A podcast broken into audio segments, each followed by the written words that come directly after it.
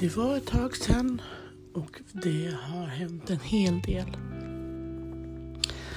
Dessvärre så har ju då Erik en negativ självkänsla kring att han är lite mullig.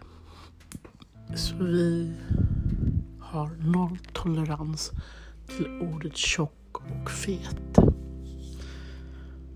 Det Erik har utvecklat i sina känslor och sina handlingar är att han lägger en kudde och försöker kväva sig själv.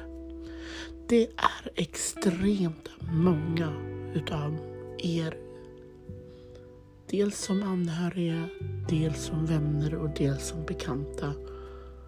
Och kanske en, några få som tror sig veta bättre och säger att det är bara en fas. Men är det verkligen fas när en son tar fram en kniv, oavsett vilken sorts kniv, och drar i sin mage och säger jag ska skära den för jag är tjock. Är det verkligen en fas då? Tänk till nu, alla ni som säger detta. Och till er som undrar, hur uppstod det här? Det uppstod när Erik var på KS, epilepsi, neurologiska barnmottagningen, när en läkare yttrar sig och säger att Erik är överviktig, han är tjock. Så Erik, hör. Det är inte okej någonstans i min värld, oavsett barn, ungdom eller vuxen, att en läkare yttrar sig på det sättet. Särskilt inte om personen i frågan har en diagnos. Det är inte okej att få som svar jag trodde inte han förstod. Hmm. Backa bandet lite. Så alla med en diagnos skulle då inte förstå ordens betydelse. Tänk till igen. You fucking motherfucker.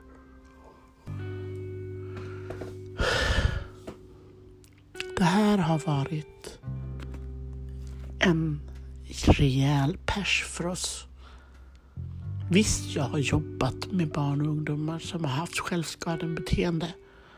Men att uppleva det privat som mamma till en son med en NPF-diagnos.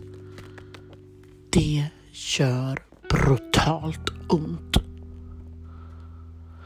Erik har ökat i vikt på grund av att vi har höjt hans epilepsimedicinering och det står i hans journaler. Det står även i hans journaler att vid stiltje bör vi tänka om i hans medicinering. Vi kanske till och med måste trappa ner och sen avsluta den sorten han har och byta ut. Vi ska också vänta på en röntgen som talar om om pannlobsskadan har krympt eller är densamma som sist. Varpå jag undrar som förälder, var har du som läkare missat all tidigare information från föregående läkare som står i journalen. Jag lovar dig, du din dumme fan, om Erik lyckas självskada sig så pass kraftigt, så pass illa, så han inte finns med oss eller måste läggas in på sjukhus på grund av att han har orsakat så pass mycket skada med sig själv. Tro mig, jag kommer bli din värsta mardröm. Det är inget hot, det är ett löfte.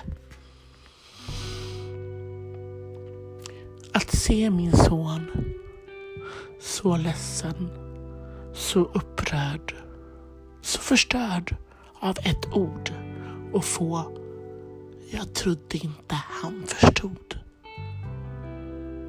Det gör mig vansinnig.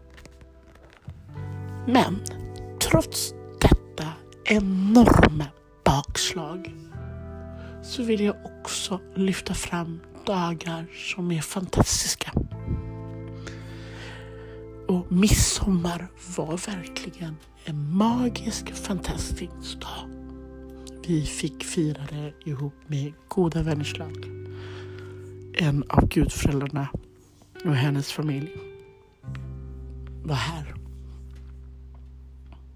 Jag kan inte nog säga tack. Tack för att just ni gjorde våran midsommar.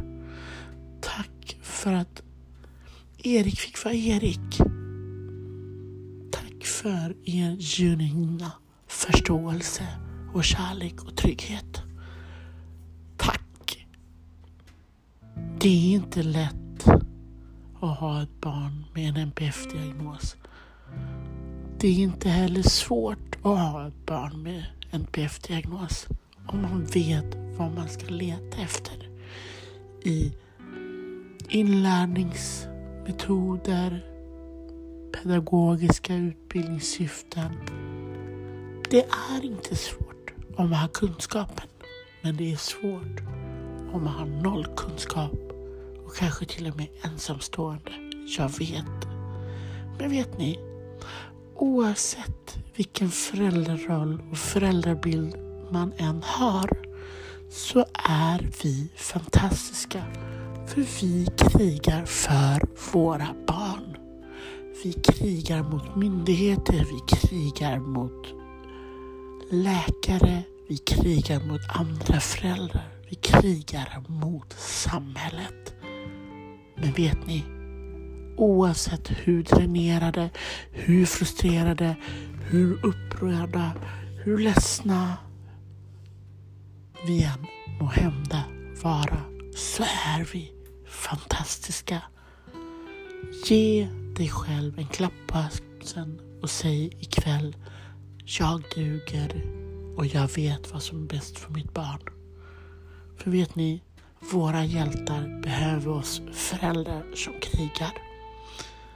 Nu ska jag gå in efter jag spelat in det här. Jag ska lägga min lillebror i våran säng och jag ska krypa ner och känna att jag har det bra just som jag har det.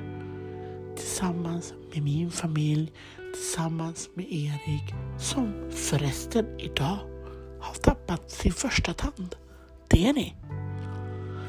Det gör ju också att en mamma blir blödig av stolthet. Så ta hand om varandra och krama extra hårt på era hjältar. För våra hjältar framtidens barn och ungdomar. Och vi föräldrar, vi krigar ihop. Så puss och kram, ta hand om er.